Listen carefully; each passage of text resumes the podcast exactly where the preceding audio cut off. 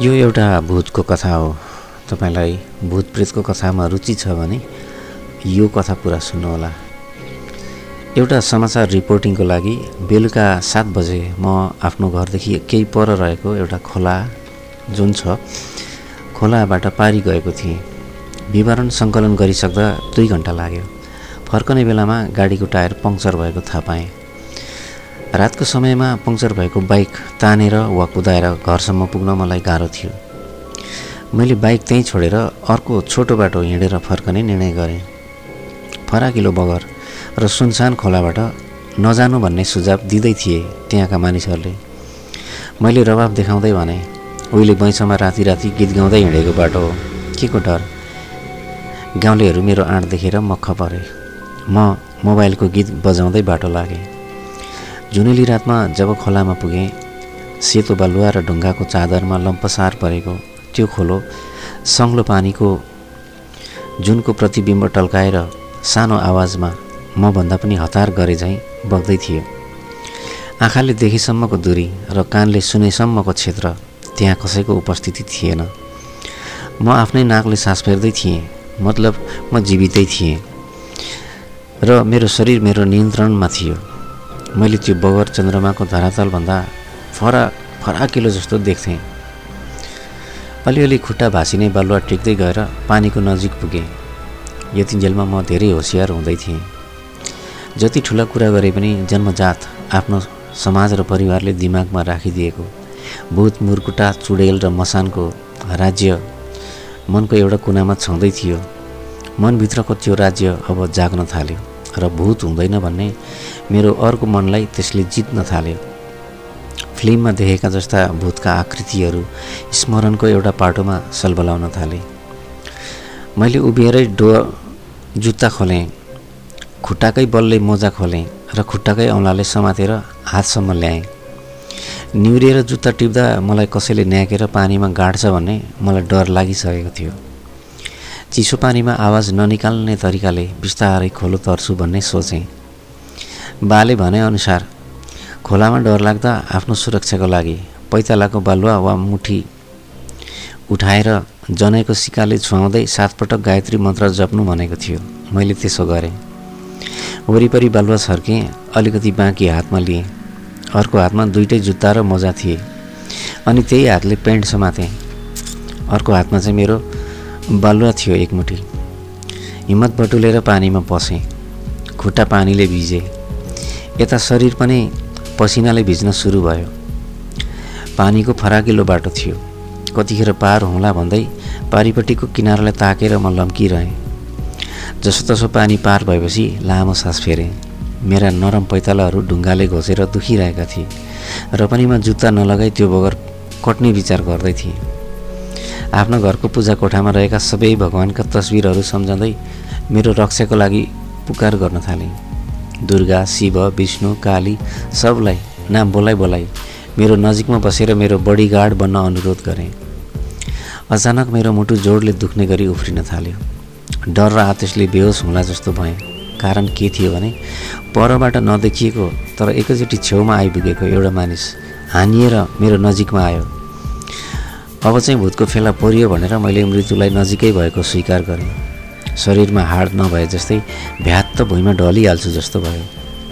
त्यो मानिस मेरो अधिकतम नजिक आइपुग्यो र आकाशको जुनलाई त्यो बेला बादलले छेकेर अँध्यारो भएको थियो। मैले उसको अनुहार राम्रोसँग देखिनँ।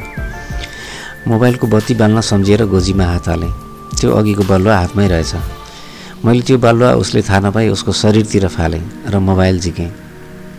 तर मैले मोबाइलको बत्ती नमाल्दै उसले एकदमै परिचित बोलीमा मलाई भन्यो दाई कहाँ पुगेर आउनुभएको बाफ्रे यो बोली सुन्ने बित्तिकै मेरो डरको आगो झ्याप निभ्यो। म फेरि दिउँसोकै समयमा जस्तै आँटी र निडर भएँ।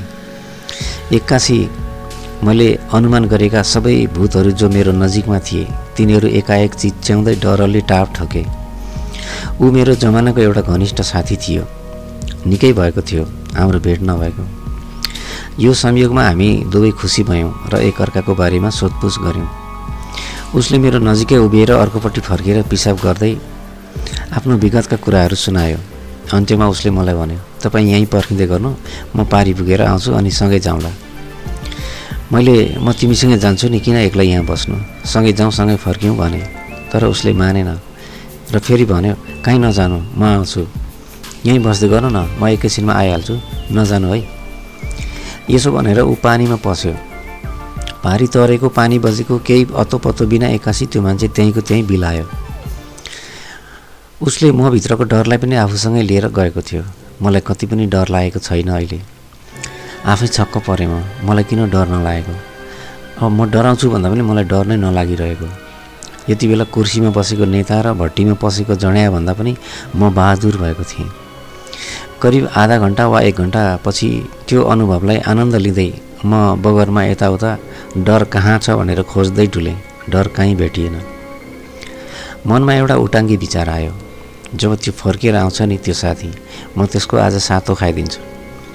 अब उसले हिँड्ने यो बाटोको नजिकै पानीको छेउमा अलि पर बालुवामुनि लुक्छु र उसले त्यहाँ छेउमा आएपछि बुरुक्क उफ्रेर जोडले कराउँछु। मैले यस्तो सोचेँ।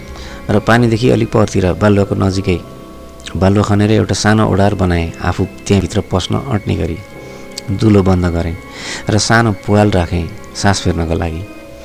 भित्र पसेर मलाई एक्कासी निन्द्रा लाग्न थाल्यो।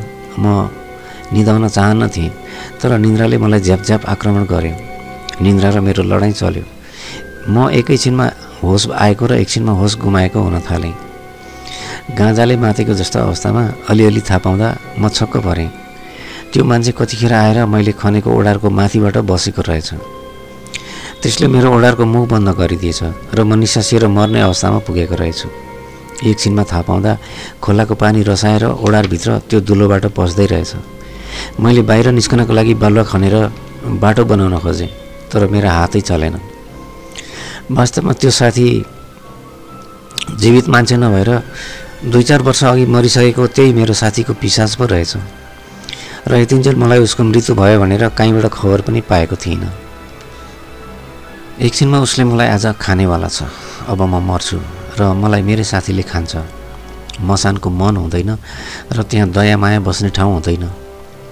यसपछि म बेहोस भएको हुँ कि मरेको हुँ कि या निधाएको हुँ त्यो मलाई केही थाहा छैन। भोलिपल्ट रहेछ। म त्यहाँबाट बगरको बाहिर एउटा रुखमुनि भोक र तिर्खाले प्याक प्याक भएर बसेको थिएँ। एकजना छिमेकी गाईबस्तु चराउँदै रहेछन्।